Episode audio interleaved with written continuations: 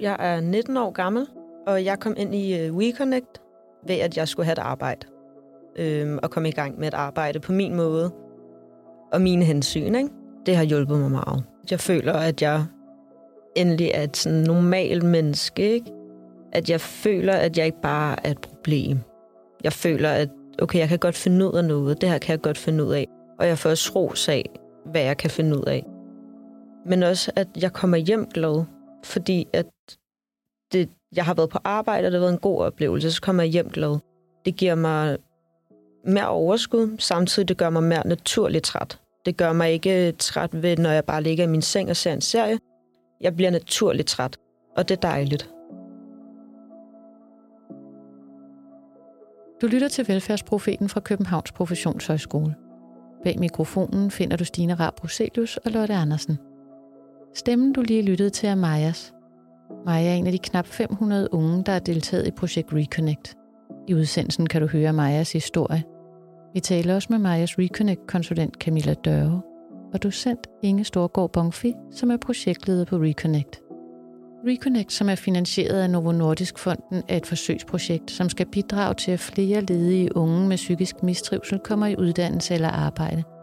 Og så skal det også støtte til at forbedre den unges generelle trivsel. Selvom projektet endnu ikke er afsluttet, så viser det allerede lovende resultater.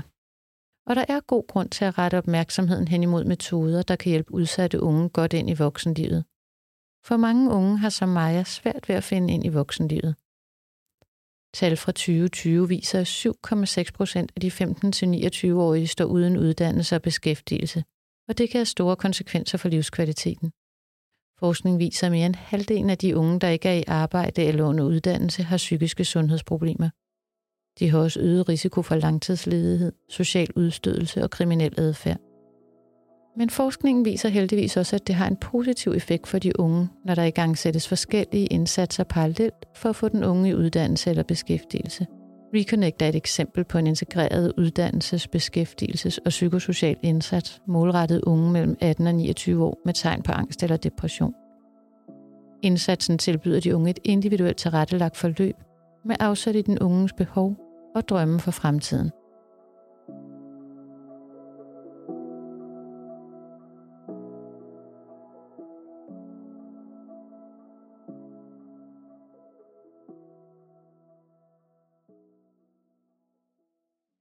Velkommen til, Inge. Så vil jeg starte med at, øh, at spørge dig til sådan helt overordnet.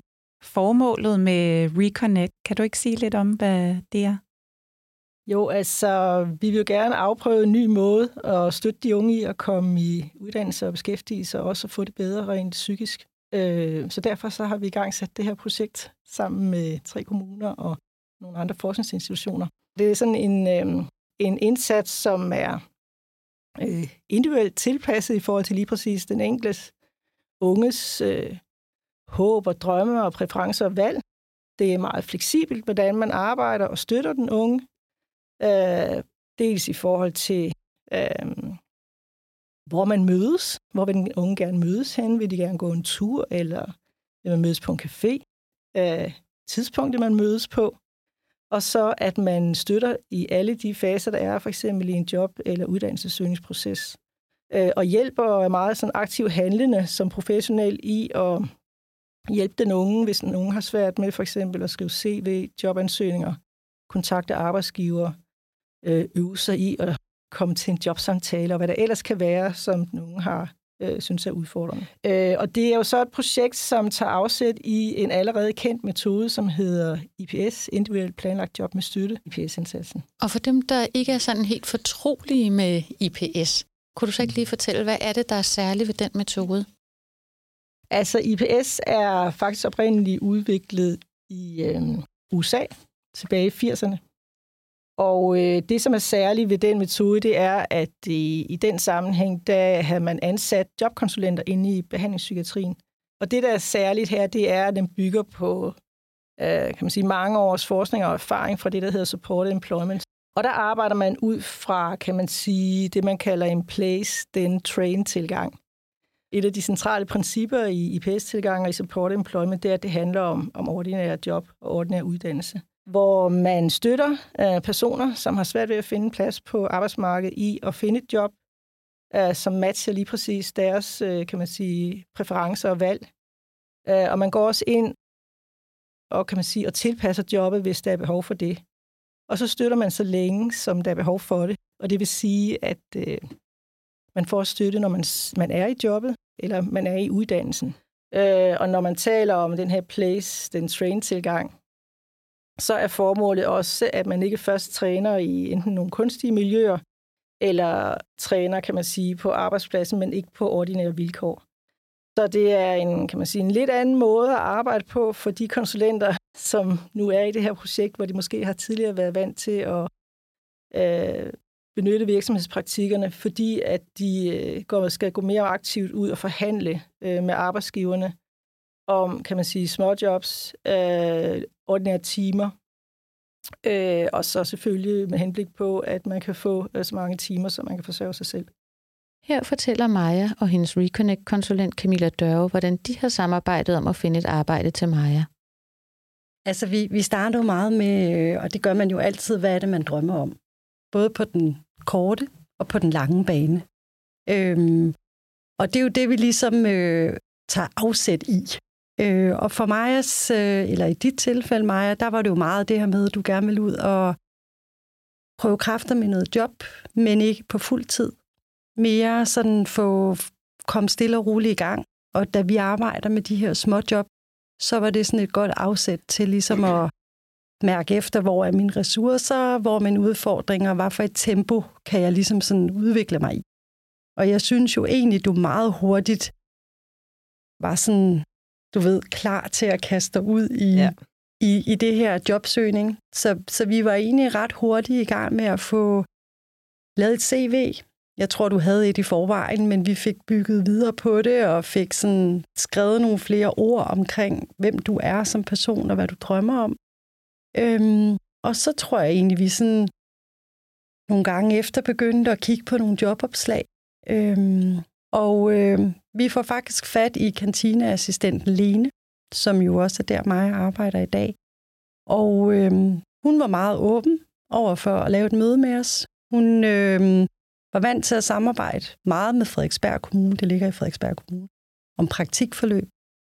Og øh, jeg sagde, at det her var ikke et, en forespørgsel om praktik, det var en forespørgsel om et småjob, og det er fordi det projekt, mig er tilknyttet, der arbejder vi ikke med praktikker. Det er en del af metoden i det, der hedder IPS, individuel placering med støtte, at man, øh, man lærer, mens man er i job, og de erfaringer, man drager, så der, dem tager man med videre i sin udvikling.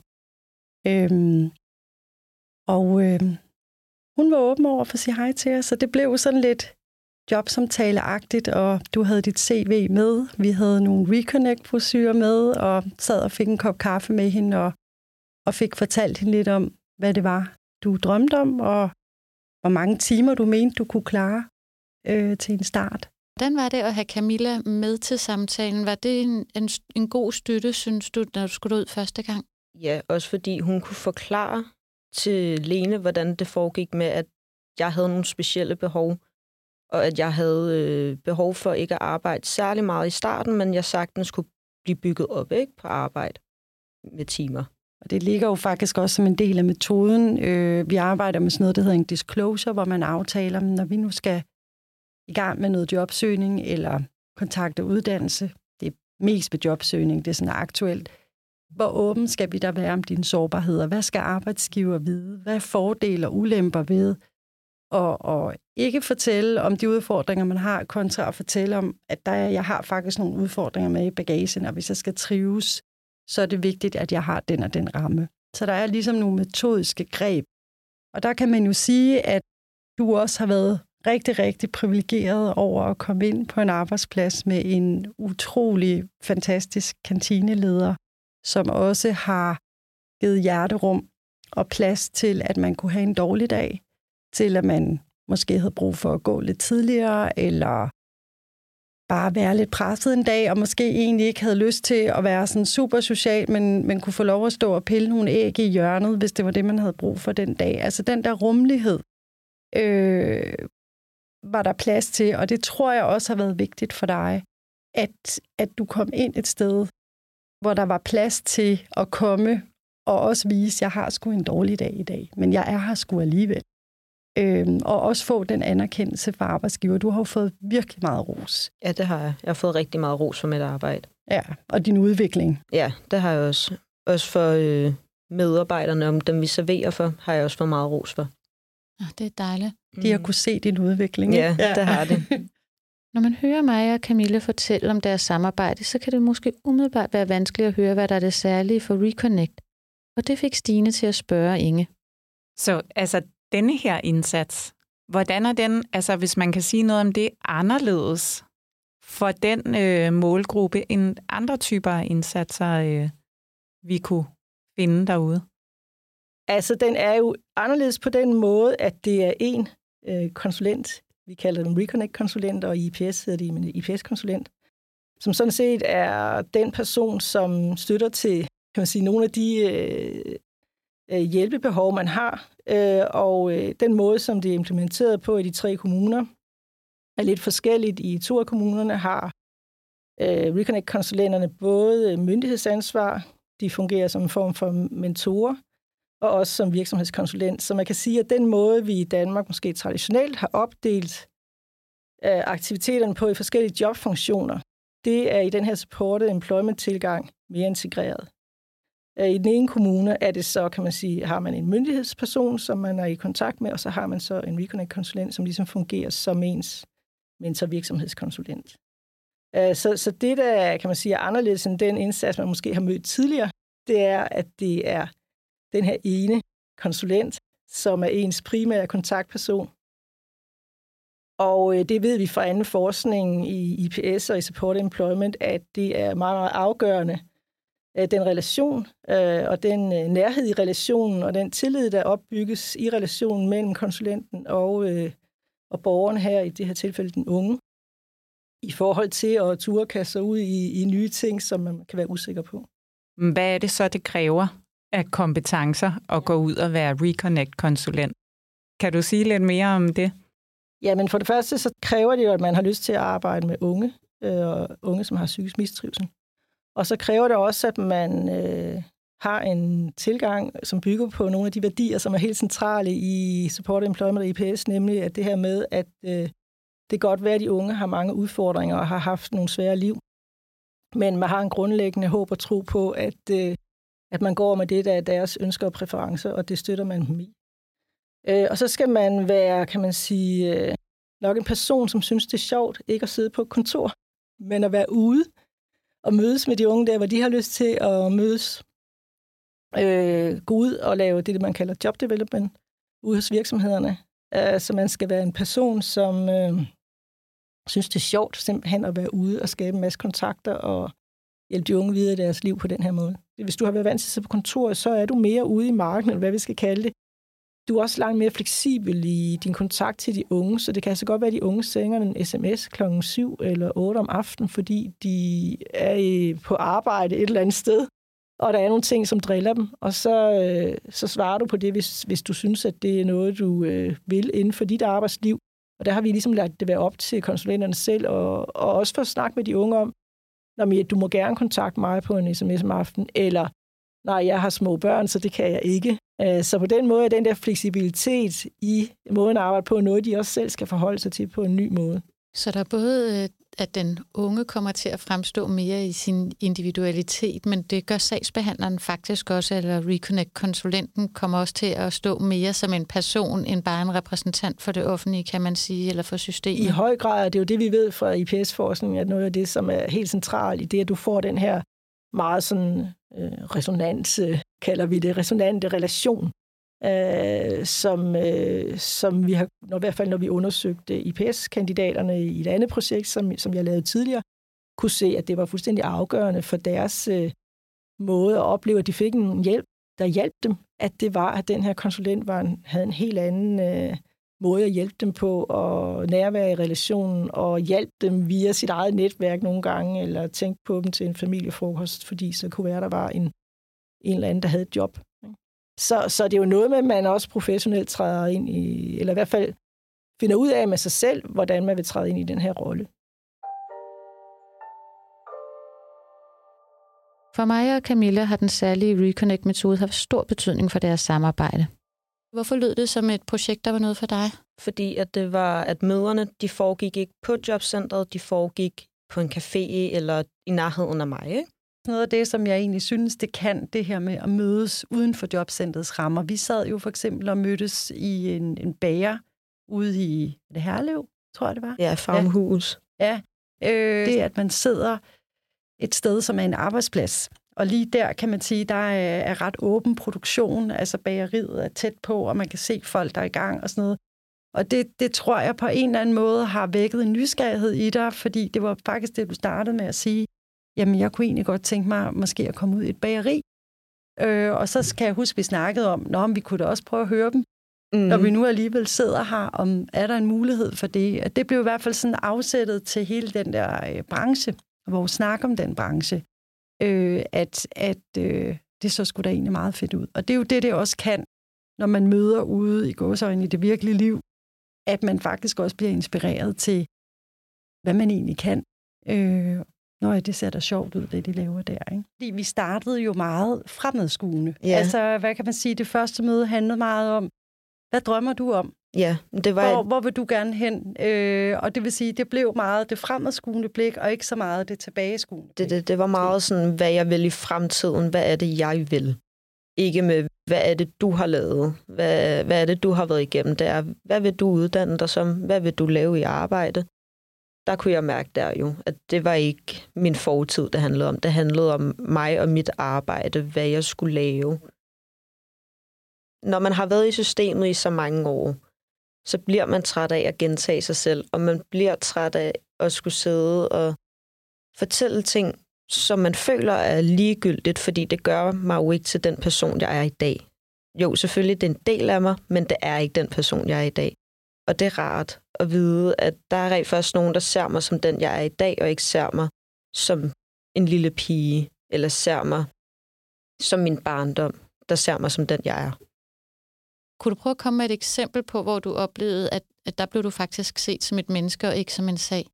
Det var det der med, at Camilla tog hensyn til, med hvor vi for eksempel skulle mødes, at det var tæt på mig, øhm, og hun tog meget hensyn til, at det tidspunkterne, hvornår det passede mig, og også øh, hvis jeg aflyste, så havde hun også respekt for det. Øhm, eller hvis jeg havde en dårlig dag, der var der også meget respekt for. Øhm, og så også, at hvis der er noget med for eksempel lejlighed, hvis jeg gerne vil flytte, psykolog, der er også hjælp at hente der hos Camilla. Øhm, der har jeg altid fået tilbudt, at jeg skulle bare ringe eller skrive, hvis der var noget. At det der med, at jeg følte, jeg følte ikke skyld, hvis jeg var ked af det eller sur. Der var ikke, øh, der var ikke nogen skyld der. Selvom Reconnect er en individuelt tilpasset indsats, så er Reconnect også en del af et forskningsprojekt, og det stiller store krav til organiseringen og udførelsen af arbejdet. Når man arbejder med den her IPS-metode og den måde, vi har tilpasset det på i forhold til Reconnect-målgruppen, så er der jo en hel manual, som beskriver, hvordan man skal være organiseret i teams, øh, hvordan øh, projektlederen skal lave møder og supervisionsmøder, øh, hvordan man arbejder med de otte principper, som der er i tilgangen. Og det kan være, at vi lige skal, skal runde den, eller lige slå en streg under det med de otte principper. Øh, kan vi ikke lige øh, tage dem? Jo, altså, de er jo de otte principper, der er i IPS, og som vi så har tilpasset en lille smule til Reconnect. Det handler om, at øh, kan man sige, alle, der ønsker at arbejde eller uddannelse, kan deltage i projektet. Man kalder det ingen eksklusion, og det vil sige, at når de unge bliver rekrutteret eller inkluderet i projektet, så kan man ikke ekskludere dem på grund af rusmiddelproblematikker, tidligere kriminalitet, øh, hjemløshed eller andre ting for eksempel. Hvis de selv har et ønske om at få hjælp via det her program, øh, så kan man få det. Øh, så er det det med, at målet er ordinær uddannelse eller, eller beskæftigelse, altså på det ordinære arbejdsmarked og i det almindelige uddannelsessystem. Så er det, kan man sige, en tilpasset version, hvor man i IPS har en samarbejde mellem job- uddannelsesindsatsen og behandlingspsykiatrien, så har vi i Reconnect en, øh, et samarbejde mellem job- uddannelsesindsatsen og så de her psykosociale indsatser i kommunal regi. Så siger man også, at kandidaten modtager vejledning i social- og beskæftigelseslovgivning. Hvad er, kan man sige, også økonomisk rådgivning for eksempel i forhold til det at skulle starte i et job, og hvad betyder det måske for andre ydelser, man modtager. Man starter hurtigt på job- og uddannelsessøgning, øh, kan man sige. Man har sådan en, en, en, en, en lille sådan huskeseddel om, at man sådan inden for 30 dage skal prøve at begynde at gå ud og kigge på, hvad er det her arbejdsmarked for noget, og hvad vil det sige at arbejde øh, her eller her, så man ligesom gør sig nogle, nogle forestillinger om, hvad kunne det være, jeg havde lyst til, hvis man ikke har det. Og så skal det der med, at konsulenterne skal opbygge relationer til arbejdsgiver, altså være meget udadgående, eller uddannelsessteder, være ude og besøge dem sammen med de unge, hvis det er det. Se simpelthen, hvad det er for noget. Øh, og at, så er det lidt tidsubegrænset, og så endelig sådan det her med at følge deltagernes egne præferencer og, og valg. Hvert år bliver kommunerne målt på, hvor modeltrofaste de er. Øh, så der er sådan ret meget øh, materiale og øh, sådan i selve konceptet, som understøtter en implementering af det, som man kan gøre det efter metoden, og dermed også forvente at få øh, de gode resultater. Fordi det er jo en af de ting, man kan sige, der er med øh, at implementere eller afprøve, som vi gør her, en tilpasset evidensbaseret metode, det er, at øh, hvis man slækker for meget på de sådan kerneprincipper, der er i metoden, og de øh, organiseringsprincipper og måder at arbejde på, så, så vil det også kunne have en sammenhæng med, øh, med selve resultaterne. Og det, du siger her, er det nogle erfaringer, I også har gjort jer undervejs, eller er det sådan øh, en ramme, I har arbejdet ud fra fra start?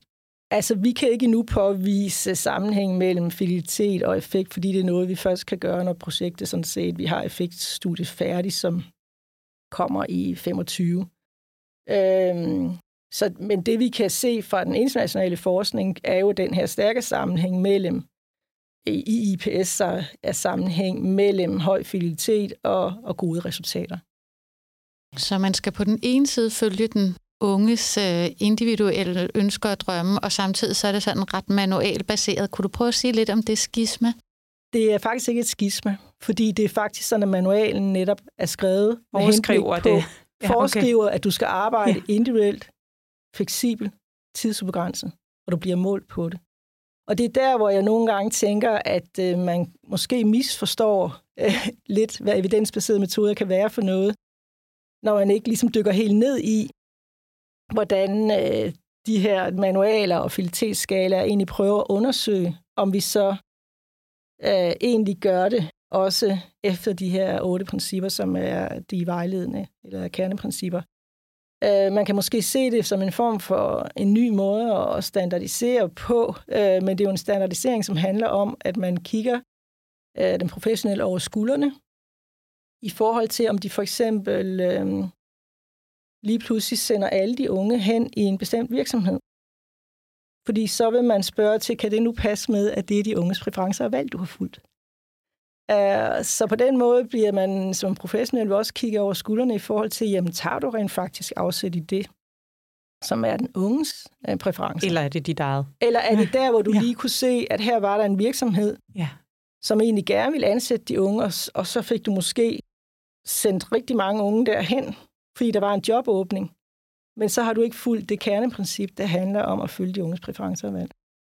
Vi spurgte Camilla Dørge, hvordan hun har det med at blive målt og vurderet i sit arbejde af eksterne forskere. Det er der lidt specielt, kan man sige, at der kommer nogle mennesker udefra og ligesom skal måle og veje, hvordan du arbejder. Men på en eller anden måde, og specielt når man har så mange år i branchen, som jeg har, så er der jo også mange ting, man kommer til at gøre sådan på automatpilot. Man har gjort sig nogle erfaringer om, hvad der virker. Så det her synes jeg egentlig har været en fed oplevelse, fordi man på en eller anden måde også bliver skærpet lidt i sit blik på, hvordan arbejder du? Hvad er det, der er godt? Hvad er det, der er en udfordring? Hvad, hvad kan vi bruge for den her metode, som jo er amerikansk og udviklet i 80'erne, og hvor bliver vi udfordret, fordi samfundet ser anderledes ud i dag? Så det der med sådan hele tiden at spille sig selv bedre op af sine kollegaer, øh, og de faglige diskussioner, vi har, synes jeg, øh, synes jeg er givende. Øh, det sted, jeg er i mit arbejdsliv, og i alle de år, jeg har, har samarbejdet med unge, og også blive udviklet lidt selv som fagperson. Øhm, ja. Det er målet, at projektet skal inkludere 500 unge, inden det slutter. Og indtil videre har 445 unge været igennem projektet, og de forløbige resultater er lovende. Vi skal også næsten lige omkring nogle af de her, øh, ja, man kan sige, succesoplevelser, sådan måske største succesoplevelser, øh, I tænker, projektet har, har medført indtil videre. Nu er det jo ikke afsluttet endnu. Nej, men det er jo, at vi er vi holdt jo midtvejskonference sidste år, og kunne da præsentere altså de første sådan forløbige resultater, øh, som jo viser, at vi, vi lykkes med at få flere i uddannelse og beskæftigelse. Og vi lykkes også med det her projekt med, at de unge får det rent trivselsmæssigt bedre øh, i forløbet. Og at de så også er tilfredse med den indsats, de får. At de unge er glade for hjælp med mig er et levende bevis på. Jeg elsker det, jeg laver. Jeg har også været rigtig heldig med mit køkken. Jeg elsker at stå der og lave mad og stå i min egen verden, og jeg skal bare lave det ordentligt. Jeg kan se fremgangen i det, og se, hvor meget bedre jeg er blevet, og så hvor hurtigere jeg er blevet.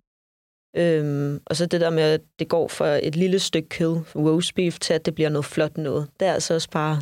Tilfredsstillende. Ja. Et flot stykke smørbrød. Ja, man bliver helt glad af det. Jeg tænker også, der er en spændende over i det der med, at vi i det hele taget snakker meget om mistrivsel i øjeblikket. Altså også, hvordan vi skal håndtere både børn og unges mistrivsel, men det er vel også det, vi skal kigge ind i på sigt, altså at der er faktisk, altså hvis man skal tro på de tal, der er lige nu, rigtig mange børn og unge i mistrivsel, jamen så står vi jo også potentielt over for, at der kan være mange unge voksne i øh, mistrivsel, som vi kan risikere at, øh, at, at tabe, ikke? Hvis, ikke, øh, hvis ikke vi bringer lidt mere øh, fleksibilitet ind i vores organisering og rammer, og i øvrigt også inddrager dem lidt mere. Det synes jeg jo er enormt interessant. Altså, øh, det er i hvert fald en af de ting, jeg er optaget af generelt i min forskning, det er, hvordan kan vi øh, tilbyde nogle indsatser, som matcher bedre de behov, borgerne har.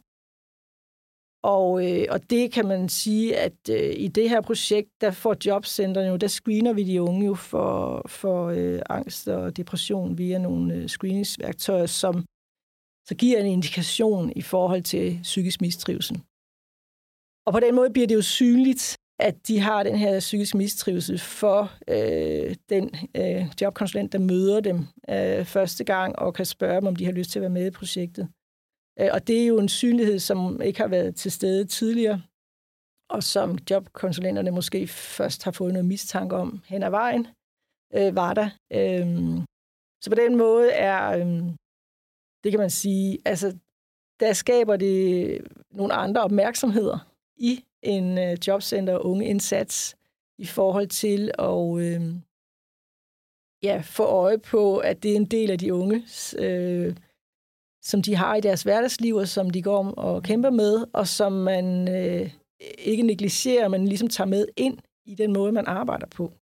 Og det er jo, i stedet for at sende dem nogle særlige steder hen, så er det ligesom også at prøve at måske naturligt gøre det lidt mere, at, øh, at det har vi så fokus på, og det hjælper vi dig med, og vi giver dig tilbud om psykosocial støtte som en del af vores forløb. Og det blev de sidste ord i denne episode fra Velfærdsprofeten. Men husk, at du kan finde og følge alle vores udsendelser der, hvor du normalt finder din podcast. Vi lyttes ved.